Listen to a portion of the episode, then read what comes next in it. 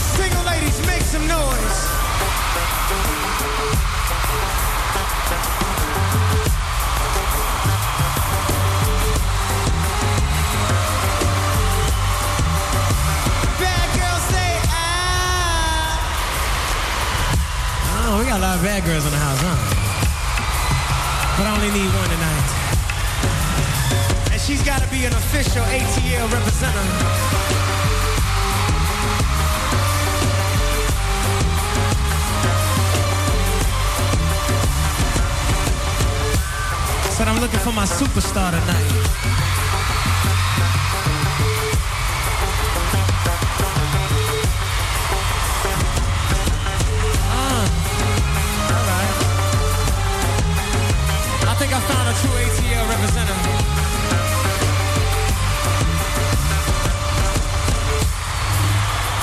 You here with the blonde hair.